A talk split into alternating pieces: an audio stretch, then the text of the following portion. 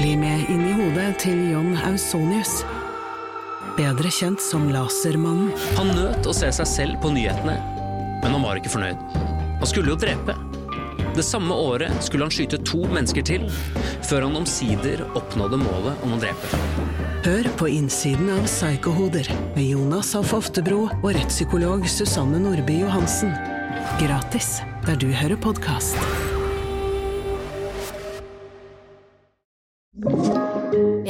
Podkast fra Podplay. Grøntpodden, for deg som er helt grønn.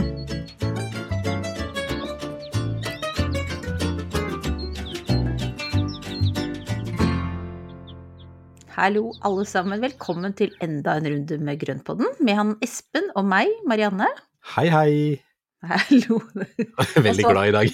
Ja, jeg, jeg sa at du satt og bare Kan jeg snart få si noe her? Jeg Går er det så bra? pratsjuk, jeg, vet du. Ja, Ja det går kjempebra. Det går veldig bra. I dag så skinner sola igjen, og det er litt grann varmere, og da er jeg ekstra glad. Mm. Vet du, det Mm. gjør så forskjell, vet du. Ja. Jeg må, jeg må huske på det de dagene det kommer til å bli regnfylt fremover nå, så må jeg huske at det er sol bak enhver sky. Oh. det på solkontoen, Ja. bare tenk etter, og tenk på alle de, de gode dagene med sol og varme, Også, for det, det har jo vært veldig fint lenge nå, Ja. så det er ikke noe å klage over, altså. Men det er bare å sette pris på de dagene som er, tenker jeg. Mm. Mm. Vet du, vi har jo akkurat blitt ferdig med den uteplassen på siden av huset, ved kjøkkenet, der vi har Mm. lagt alle disse steinene, og vi har eh, bare kost oss. Altså, vi har hatt grill, grillfest, vi har innvielse med grillpølser og boblevann. så Eh, bra. og ta, heller tatt på oss litt ekstra med klær, for det var jo litt kjølig på kvelden, men altså, det er så hyggelig å bare kunne liksom forlenge sommeren, og nå vet jeg at vi er over i en høstmåned, men Mm. altså, la meg få lov til å ha noen sånne livsløyder, da. Jeg syns det er Ja. sensommer fortsatt, og nyter den i, som du ser, ullgenser eller ullvest med høy hals. Det er så bra. Men jeg satt ute i vinterhagen her og skrev forrige dagen, og da, da var det jo bare å pakke seg inn med pledd over beina, pledd over Mm. skuldrene og ullsokker. Men det er jo veldig deilig å sitte ute allikevel. Det er kjempedeilig. Og vi var jo så heldige å ha besøk av deg og Pernille forrige uke. Ja, det var koselig. og da satt vi ute til seint på kvelden, og det gikk jo bra det òg. Det gikk kjempebra. Det var det med deilig pledd over bena, og så masse sånn tjukk, god saueskinnsk uh, tingliboms på i, i, i, i stolen. Det var helt herlig, det. Det Veldig varmer godt det, altså. Ja, Ja. det var det. Men det var jo en god påminnelse om at man kan gjøre noen sånne ting for å forlenge sesongen. Altså mm.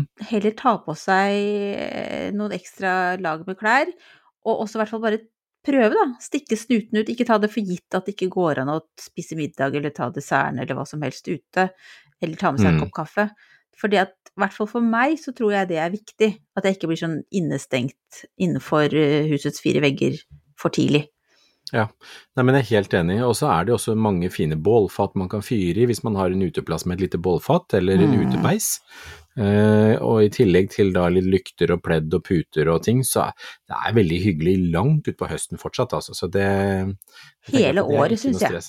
Eh, Ja. Ambisjonen nå er at det skal være i hvert fall et måltid eller et eller annet form for flytende eller fast føde skal inntas utendørs gjennom hele året. Det kan bli veldig Oi. sånn fem minutter. Det er ambisiøst. Mor sitter alene på trappa mens resten av familien sitter inne i varmen. Men en kaffe og sjokoladebit, er det, regnes det for for Ja, jeg syns alt er innafor. Det er bare for å holde moralen oppe. Jeg tenker at alle driver med sånn der vinterbading, men, og det er ikke noe for meg, for jeg er jo veldig feig når det gjelder kaldt vann. Men akkurat det å sitte godt innpakka ute på trappa i fem minutter, det skal jeg klare. Ja, men så bra. Det er en god plan. Men du, apropos bålfat, altså nå, vi skal snakke om noe annet, folkens, men la oss bare få lov til å si dette her. Så for, apropos bålfat, så hadde du verdens fineste. Jeg drømmer om det bålfatet. Jeg har snart Ja, fortalt alle jeg har truffet på min vei om det. Det var så Men det har en så fin form. Ja, det er Ja, svært. nydelig. Og det har en fin form, og jeg, jeg, vi har brukt det mye, og, og jeg syns det er veldig, jeg er veldig glad for det, for det er akkurat den formen som er Ja. litt sånn myk og utover, istedenfor disse rett opp og ned. Og pene føtter. Så, Altså det, er, det er som det, det Ja. Dere burde sett Jeg tror du kjøpte på Krukkegården, så det kan hende at de har noe Ja, lignende der sånn. Men det var bare at det Mm. var så Det var liksom klassisk form, og det var så gjennomført. Altså, som sagt, jeg har virkelig drømt om det, og særlig nå på den uteplassen som endelig er ferdig. Det var like før jeg tok den med meg under armen, men det er litt for stor, så, så det Du må få stående. med en til, for du trenger to stykker for å bære det, for det er grisetungt. Det er i Ja, jern. Pernille. Og Pernille er altså vår, vi kan si vår sånn uoffisielle tredjepartner, litt grann sånn, vi sier det da, vi er glad i Pernille. Mm, Pernille hjelper oss med litt bilder og kreative ting. Ja, Ja. Og årelang og god venninne. veldig.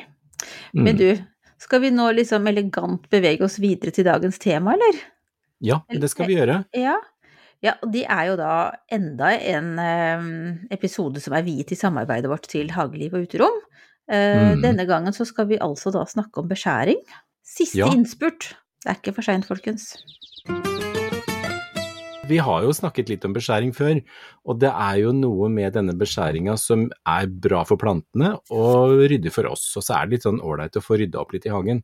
Mm. Eh, Jeg tok jo nylig en beskjæring av eh, hengepila her i hagen, og den Det var jo nærmere en amputasjon enn noe annet. Men det kan man gjøre med pil. Det kan man, de tåler det. Og bare være obs på hva, altså hvilke planter er det som tåler hva. Mm. Det er alltid lurt å sjekke ut først.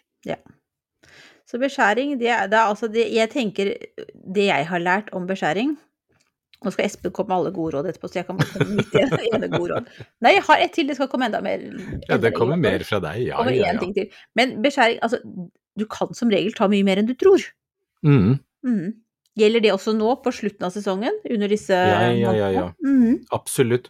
Og det er jo noe med at det, jeg er veldig pysete på beskjæring, og det er jo rett og slett fordi at det, jeg vet at det går, men det er bare det at jeg er så redd for at jeg tar noe som jeg angrer på. Ja. Eh, altså sånn utseendemessig. Eh, og så er det jo noe med at beskjæringa, det er jo De fleste plantene klarer seg godt uten beskjæring, men det er jo også noe at vi ønsker å ha en viss form og struktur på, på veksten i hagen. Mm. Eh, og så det når det gjelder frukttrær, så er det jo en Altså en av årsakene er jo at vi skal ha bedre fruktsetting og bedre avling. Ja, til neste år. Ikke sant. Mm. Det sier seg Ja. selv, da. Det er jo noe med det at de kan jo eh, de like gjerne tas nå istedenfor å vente til neste år. For det er jo nå så rekker, eh, rekker sårflaten å lukke seg, og så kan de da forberede seg på et nytt år med litt mindre bladmasse. Ja. Og så slipper du å gjøre det til våren, når du har lyst til å gjøre veldig mye annet. Ja, ja, ja. Men etter våren så er det masse annet å gjøre, for det er jo mye vårforberedelser som, skal, er, altså, som er mye hyggeligere enn beskjæring. Så, Ja, så tenker jeg liksom beskjæringen jeg har litt med dere også rydde opp også. Og jeg syns høsten Mm. er jo litt sånn rydde opp og ja, forberede neste år. ja, Så det, ja. rydd, rydde opp etter all gærenskapen som har skjedd hele året. Mm. Men vi kaller det jo jazz. Espen, du vet at jeg kan det her på rams, men kan ikke du fortelle våre kjære lyttere hva jazz står for? Det er jo ikke musikk, selv om det kan jo være hyggelig å høre på jazz mens man beskjærer. Det er veldig hyggelig å høre på jazz, og det er jo det er en god mulighet. Men ellers så er jo jazz det er jo månedene som står for juli, august og september. Mm. Og det er de tre månedene som det er egentlig veldig fint å beskjære plantene. Ja. Hvis du har busker og trær som skal beskjæres, og de kuttes tilbake da i løpet av de månedene, så rekker vekstene å lukke sårflatene sånn at de er klare for vinteren. Beskjærer du seinere enn det, så er det stor fare for at det er liksom åpne sår som kan bli frostsprenging og altså bli ødelagt gjennom vinteren, og, og da er det veldig stor fare igjen for sopp og råte. Så det er, det er egentlig rett og slett bare av hensyn til busker og trær at vi gjør det nå. Det er bra tidspunkt eh, både sånn klimamessig, altså ytre påvirknings... eh, Hva heter det? Påvirkningsfaktorer. Og, også- ja. og også hvor plantene selv, altså hvor de er i sin syklus, da. For hvis Ja. man klipper litt før, så kanskje det blir for tidlig, og som sagt, kommer, eh, klipper du for seint, så blir det også feil i forhold til holdt på å si når de skal gå i dvale. De går kanskje ikke helt i dvale, men altså de roer seg jo ned før vinteren.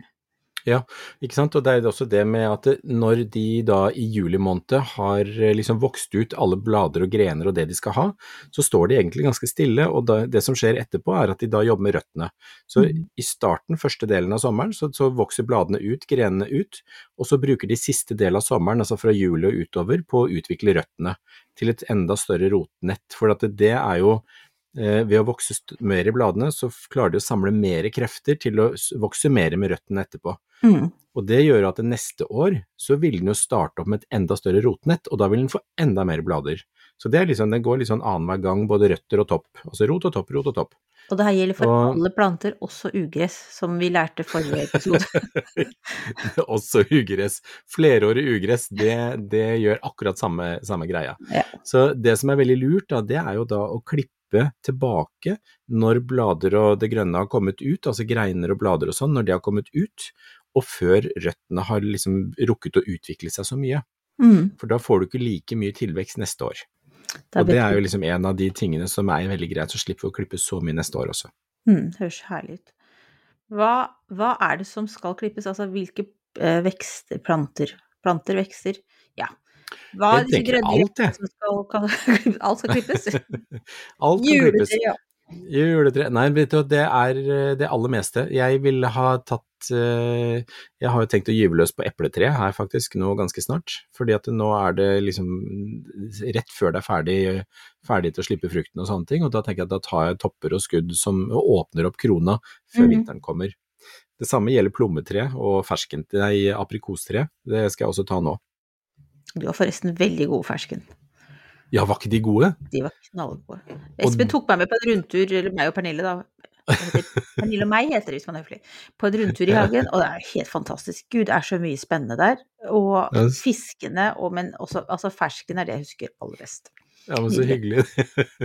De begynner å bli sånn solmodne og gode, for nå får de ordentlig rødt kinn, og da, da, da kommer smaken ordentlig fram. Mm. Og så um, er det også veldig gode fysalis nå, så det, det ble plukket en liten skål av fysalis her nå i stad.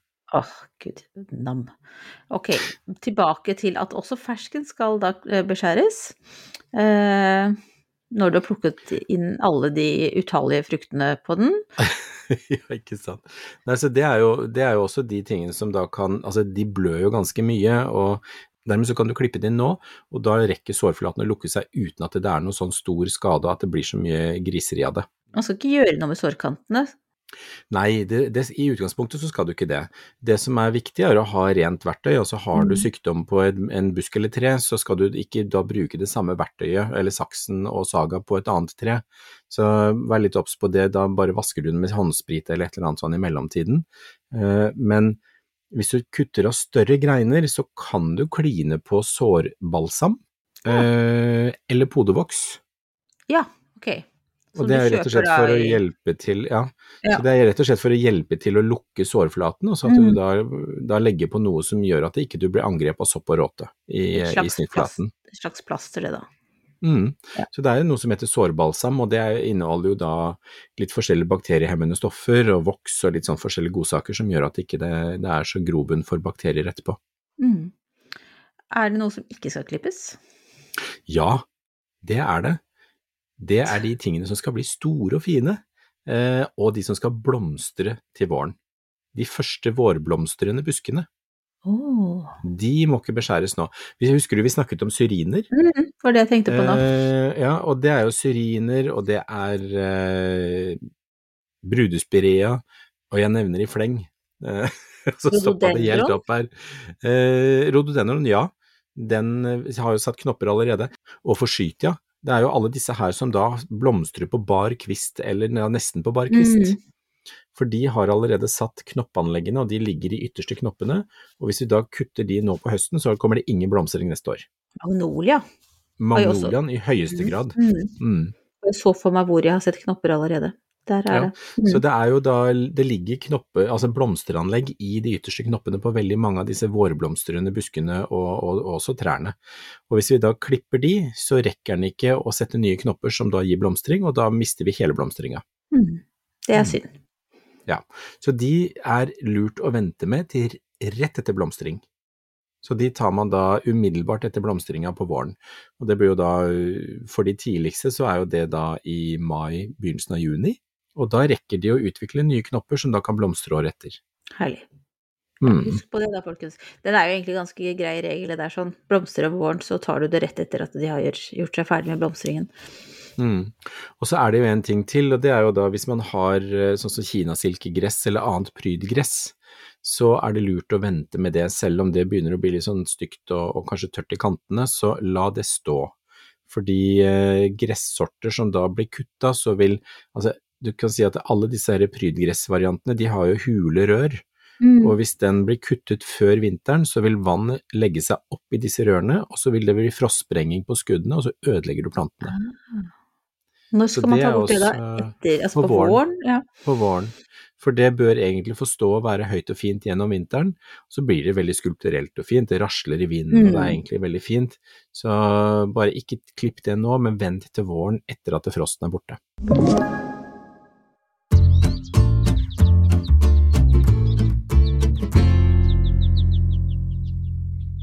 Men jeg glemte jo én ting, det er jo druerankene. Herre min, det er jo massevis av druer på rankene, og de bør ikke klippes på høsten. For at de har jo hatt eh, De hadde jo en klippe i fjor vinter, og så har de hatt sommerklippen sin, og de greinene som henger igjen nå, de er lurt at det henger igjen fram til vinteren igjen. For da kan de tas sånn i romjula eller helt i starten på januar, sånn at de da ikke blør så mye. Mm. Mm.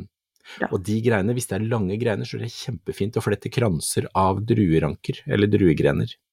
Altså, det er så kult med det der gjenbruks... Eller videre, viderebruk av, eh, Mm. av ting. Og du har også veldig, gode, også veldig gode druer, jeg må si det. jeg har jo smakt meg gjennom hagen din, det er jo bare å innrømme det. Ikke sant. Ja, det er Ester som du fikk smake der, og, og jeg som var ute og tok en klasis da, og de er kjempegode.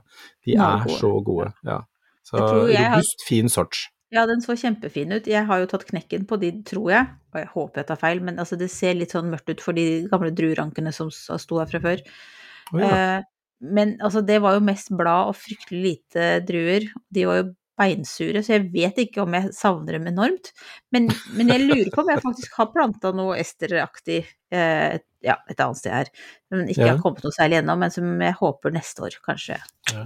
Krysser fingrene. Jeg skal, ta en, jeg skal ta, lage en plante til deg, sånn at du får med Ja, deg en Ester nedover. Tusen takk. Å, Det skal jeg ordne. Veldig, veldig bra. Men du, angående Jeg har faktisk et tips. Her kommer tips nummer to. Ja.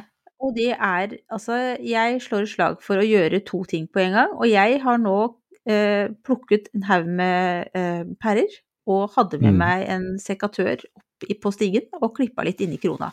Var veldig, Følte meg så effektiv, og så var det ja, litt hyggeligere, liksom. Altså, Da følte jeg også dessuten at jeg fikk da effekten med en gang, for jeg kjente da at liksom, det begynte å bli bedre luft inn i krona der. Klipp og plukk er det nye konseptet til Marianne. Absolutt. Veldig stolt av den oppfinnelsen.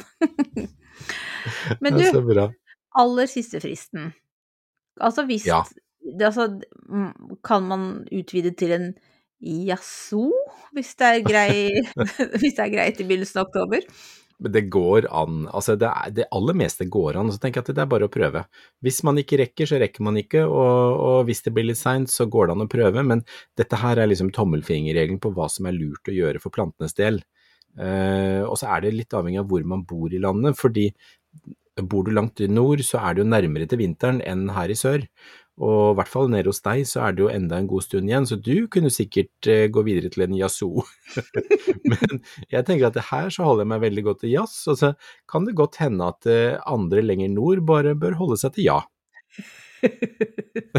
så, så det er litt sånn, du må ta litt forbehold i forhold til hvor du bor. Ja.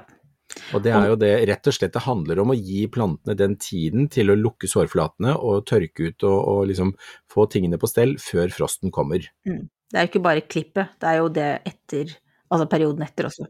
Ja. Så den trenger liksom, si at den trenger en to-tre uker på, på å lukke igjen og liksom få liksom ordna opp i de skadene som oppstår. Eh, og så er det også noe med at når vi klipper, så husk å klippe litt på skrå, slik at det ikke da vi klipper i vannrett linje, for da vil vann legge seg opp på snittflaten, og så kan det være skadelig. Mm. Så ta alltid et skråsnitt, sånn at vannet renner av. Ja, det tenkte jeg på når jeg holdt på i det pæretreet, for det er jo så gammelt. Jeg er så redd Mm. jeg skal ødelegge det. Det ser jo så fint ut. Ja, det er har litt personlighet. Ja. Men er det noe mer som skal klippes da, da? Det er jo Eh, egentlig ikke annet enn det å forme og klippe og rydde og, og gjøre det. Husk å bruke kompostkvern eller kvistmateriale, det bør brukes i, tilbake i hagen, så slipper du å kjøre bort. mhm. Kvern det opp, spre det rundt i hagen, og sørg for å lage hauger av deilig kompost som kan brukes neste år. Det er også veldig bra for mikrolivet og de småorganismene som skal da overvintre ute. Og så tenker jeg at litt større greiner kan man jo også kutte opp og legge til tørk. Så har man litt sånn opptenningsved kanskje til seinere Ja, ja, ja. sesonger. Nå i denne ja. energikrisetider, så Trenger all den veden vi kan få. ja, ja, ja, vi plukker ved. Ja, men også hvis det er noen lange, tynne greiner som kan brukes til tipier eller sånn neste år, så Mm. la det ligge og tørke, slik at du kan bruke det som støttepinner og, og sånne ting neste år. Det er Ja. liksom, tenk gjenbruk, det er veldig mye gøy man kan ta vare på fra, fra beskjæringstiden, altså. Kan vi til slutt ta noen få ord om gress? For jeg tenker at gress skal jo Det er ikke Ja. akkurat beskjæring, da, men det, vil- vi kan vel knytte Det skal jo også Gresset skal vel ikke klippes i det uendelige, liksom, utover i høsten? Nei, nei, og det er jo også et veldig godt poeng, for at gresset skal jo da nå få litt lengre lugg. Mm. Sånn at vi da justerer opp gressklipperen litt, grann, sånn at du da kommer opp på kanskje en fem centimeter, eller fem, kanskje opp mot seks centimeter. Men eh, jeg pleier å sette den på fem centimeter og, og sørge for at den holder den der. Og gresset skal nå ikke ha noe gjødsel, så nå er det ikke noe gjødsling utover. Det er stille og rolig, for alle skal nå gå i, inn i eh, hvilefase. Mm. Ja, og når vi har gjort det, da, det gresset har fått kommet inn i hvilefasen og alt er beskjært, da kan vi også vi ta en liten pause, kan vi ikke det? Altså ikke Jo. vi to, da, men jeg Fyre på bålfatet. Ja, jeg syns ikke sant, da koser man seg litt. Alt kan feires, også beskjæring.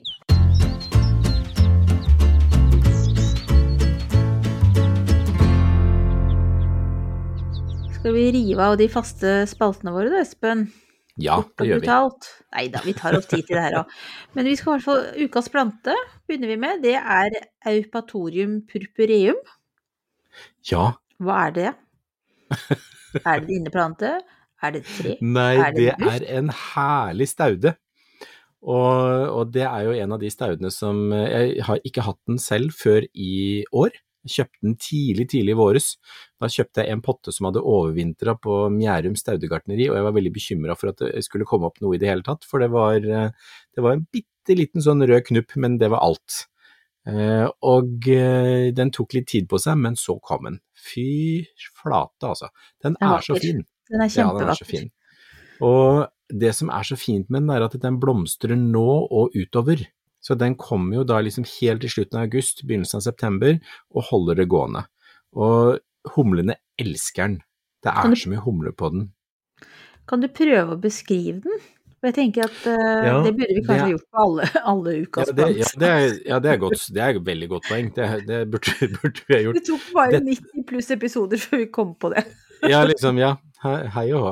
Det, liksom, det tar litt tid før polletten detter ned, skjønner du her. Sånn er det. Men storhjortetrøst, det er da navnet på stauden, og den blir opp mot to meter høy. Oi, Men såpass, ja. den vokser jo, i og med at det er staude, så visner den jo ned og kommer fra bunnen av hvert år. Eh, Den får en stor, herlig skjerm med sånn frynsete lilla blomster som er i ulike lilla sjatteringer, og har Mm. mørkt, grønt, fint bladverk. Eh, Og den kan godt stå fritt og komme opp som en, da, en stor, fin tue. Så den er eh, veldig blomsterrik, lett å ha med å gjøre, og klarer seg til opp til H6. Så den er veldig hardfør, tåler det Mm. meste. Og den kommer opprinnelig fra Nord-Amerika. Ok.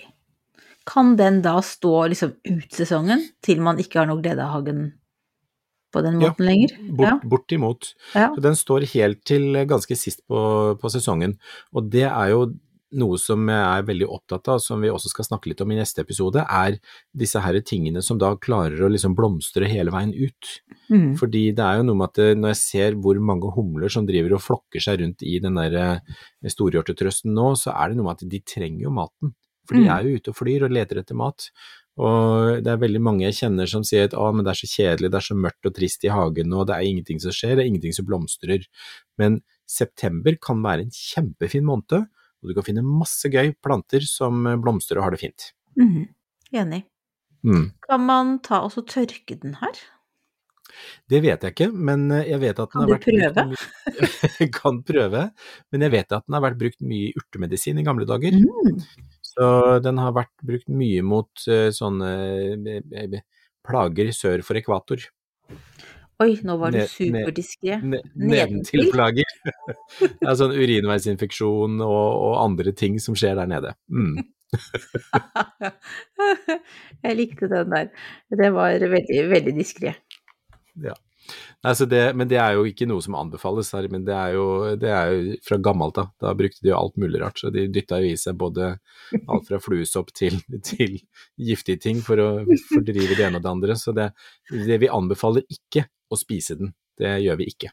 Nei, vi gjør ikke det. Men uh, nå har vi heller aldri vært Altså, vi er jo ganske diskré på den, da, får jeg si. Altså, vi Ja. prøver oss jo ikke ut på noen sånne skumle greier. Nei, nei, nei. nei. Men det er en fantastisk plante, og staude, som da er verdt å ha i hagen. Og Mm. den er, noe, altså den er en av de som virkelig lyser opp nå i, på sensommeren og høsten. Men betyr det at den ikke trenger så mye lys, siden den koser seg nå? Halvskygge. Eh, Halvskygge, Den liker, den liker en god del lys. Jeg har den i halvskygge, så den får sol fram til ja, ett-to. Og så blir det ganske skyggefullt etter det, men det går kjempefint. Mm. Moving on, ukens spørsmål. Altså, Ja. den er litt sånn Den snakka vi litt om på forhånd, altså hvordan vi skulle angripe. Bokstavelig talt. Mm, Altså, ja. det er brunsnegler, da. Ja. Mhm. Og det, altså det, jeg vil gjerne bare si noen ting først, før vi svarer på det. For det er jo da spørsmålet om, eh, om jeg har mye brunsnegler i hagen, og hva jeg gjør med det. Uh, og jeg har jo sagt en del om det tidligere, og det er egentlig ikke noe jeg har lyst til å si så fryktelig mye om. Fordi det er veldig sånn omstridt tema, og det er mange følelser rundt det, både på, på holdt jeg på så godt og vondt. Eh, og det er jo noe som veldig mange av oss er plaget av med, og som vi ikke slipper unna. Mm. Så, så det er ingen quick fix, det er ikke noe lettvint måte å bli kvitt brunsnegler på. Eh, De må bruke, altså der må man bruke lang tid for å liksom ha en sånn langvarig kamp. Det er en sånn lang, seig maraton over flere år. Ja. Er det Så- noen som vil beholde brunsneglene? Er det, det er, Nei, altså, det, er ikke, det er jo ikke det. Men, eh, men jeg er veldig tilhenger av at man gjør det på en human og riktig måte. Eh, Kjapt klipp over eh, hodet, sånn at du bare avliver den umiddelbart. Eh, Salt har ingenting i hagen å gjøre, uansett. Mm. Så det er no go. Eh, og så er det da bruk av feramol, som da er, jern, er en hjerneforbindelse som da gjør at de mister De spiser det, og så mister de appetitten, så går de bort og dør, og det er jo også en, en ting. Eh, og så er det da nematoder som man kan gjøre, men det er jo en mye lengre prosess. At man legger ut nematoder tidlig på sesongen, sånn at man da får eh, egentlig infisert flest mulig snegler. Og de spiser jo hverandre, så hvis én er infisert og dør, så er det andre snegler som spiser den og får i seg de samme nematodene. Mm. Det, er, det er ekkelt hele greiene, men Mm. det, er, det er sånn det er. Du så ansiktsuttrykket mitt. Eh, jeg så det, jeg så det. Det ble mer og mer skrumpete. men, men det er noe med at eh, det er veldig mange som da spør liksom, ja, men har ikke du brunsnegler fordi jeg har så mye georginer, jeg har så mye andre planter? Eh, jo da, jeg har det, men jeg har brukt flere år på å liksom bekjempe for å holde de litt i sjakk. Mm. Og så har jeg da brukt en del planter som de ikke er glad i. Og jeg skrev en, eh, en artikkel for eh, noen år siden som jeg la på bloggen min, med da er det 40 planter som brunsneglene ikke liker. Og selvfølgelig, hvis det ikke er noe de liker der, så går de også på de, for at de vil jo alltid ta det de liker best først, og så mm. går de over til Altså det er sånn som mm, barn som da ikke liker spinat, hvis ikke det er noe annet å spise, så spiser de også spinat. Så det er jo noe med at, eh, at nei, det var dårlig gjort, dårlig gjort også sammenlignet med barn. Det var, det var, jo- ja, nei, men det Nei, du, dette her klipper vi bort. Nei. Jeg syns det var fantastisk. Nei, uff a meg. Men georginer, for å si det sånn, da, det er jo da georginer som har kommet i god vekst.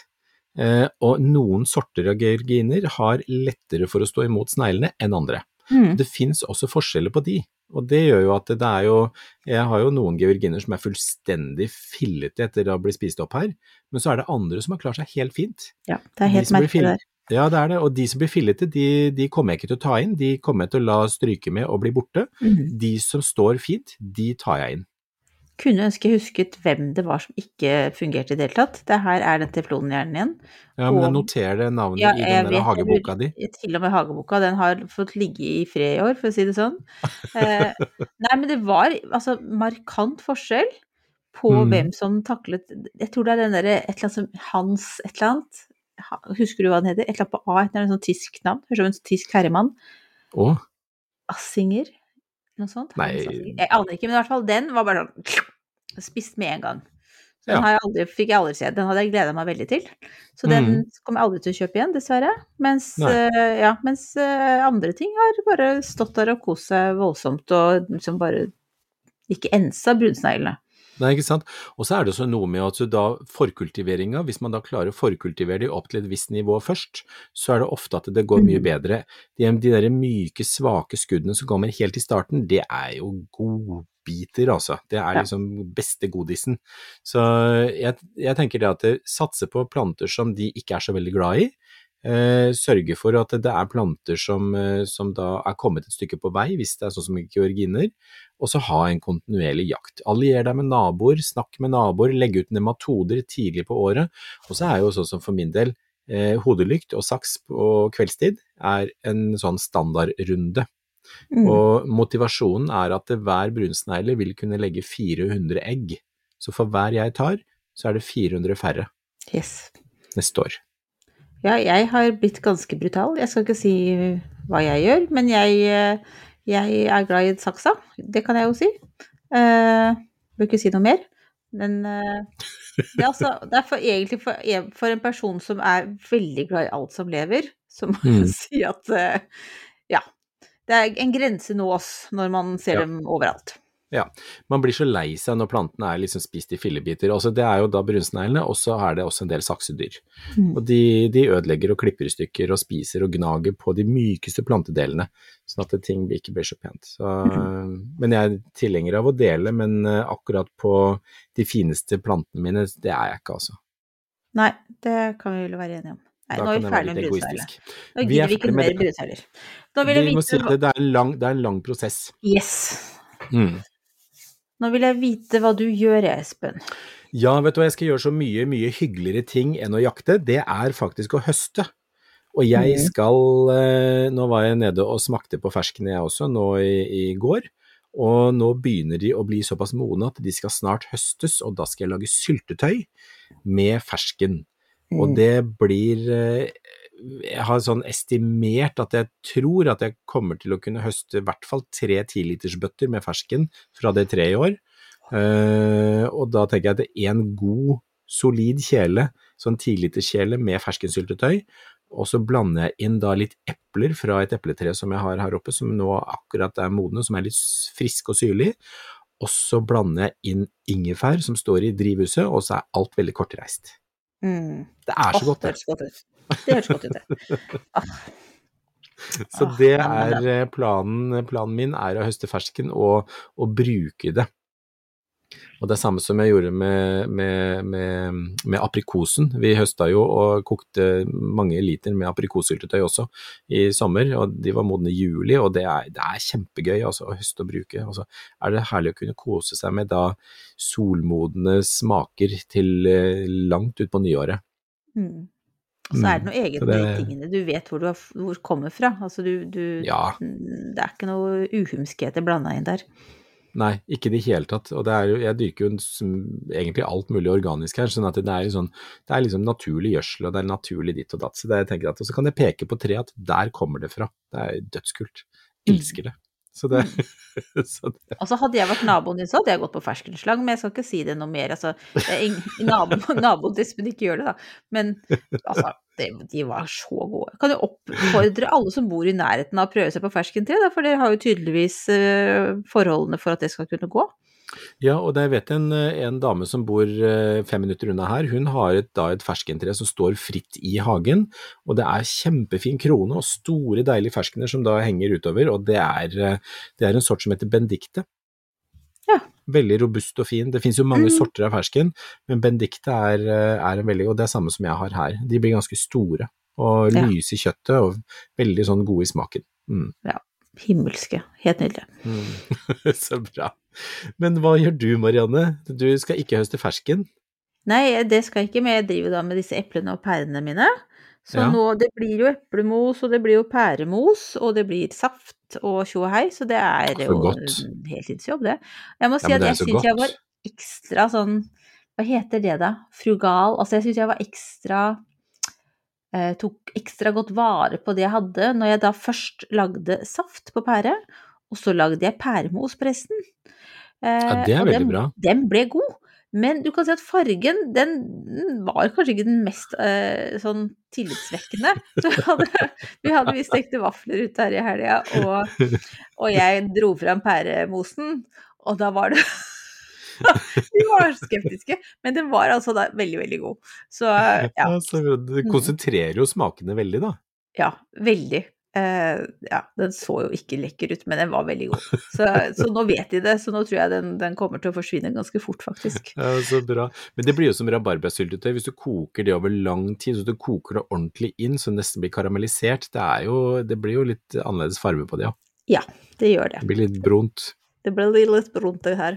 Ja. Eller så driver jeg nå, jeg husker ikke om jeg nevnte det sist gang, men jeg tror jeg har funnet ut hvor jeg skal sette disse fikenplantene.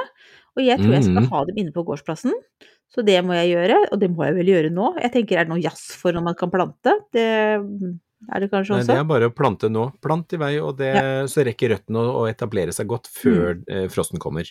Det er jeg litt spent på da, for de skal jo da liksom stå Jeg har jo tenkt liksom de skal bli litt sånn inn mot eh, murveggen.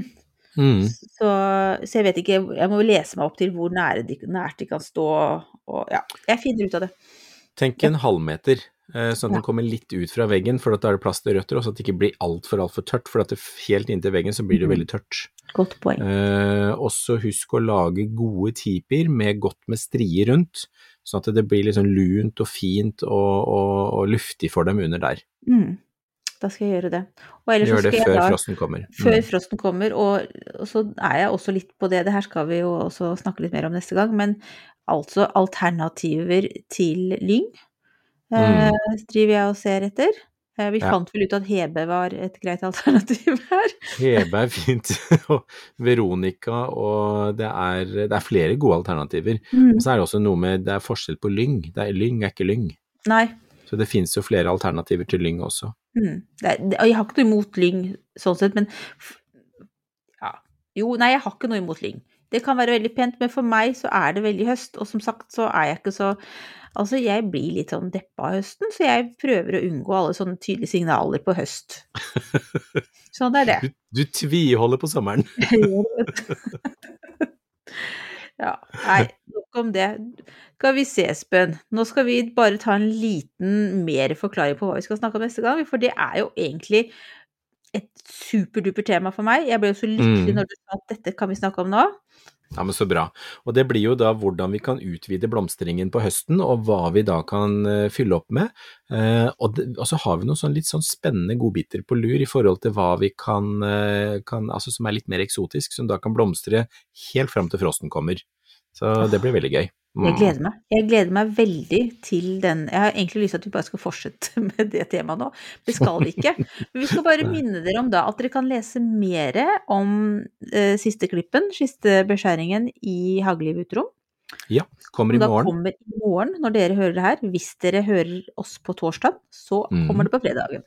Ja. Eh, Og hvis ikke jeg husker feil, så er det også en artikkel fra Hagen her i den utgaven. mm, Å. Så det kommer da en artikkel herfra med, med eh, litt sånn høstplanter og dam og ja, den, eh, og den, den, den gleder jeg meg veldig til å se. mm. To gode grunner til å få med seg Hageliv og uterom. Men du, skal vi si ha det bra, da? Det skal vi gjøre. Tusen takk for at dere henger med, og takk for i dag. Mm, takk for i dag. Og følg oss i sosiale medier. Vi, ja, vi er jo der òg. Jeg, Ja. jeg er jo sosiale medieansvarlig. Jeg er litt, eh, litt eh, slapp for tiden. Men jeg, jeg syns det er veldig hyggelig å se på hva dere holder på med, og snakke litt med dere her og der. Så følg med oss. Ha det bra Så så, lenge. Ha det!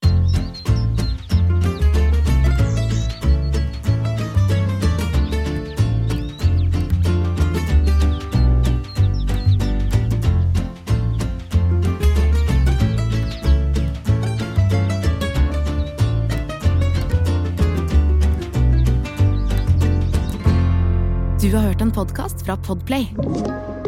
En enklere måte å høre podkast på. Last ned appen Podplay, eller se podplay.no.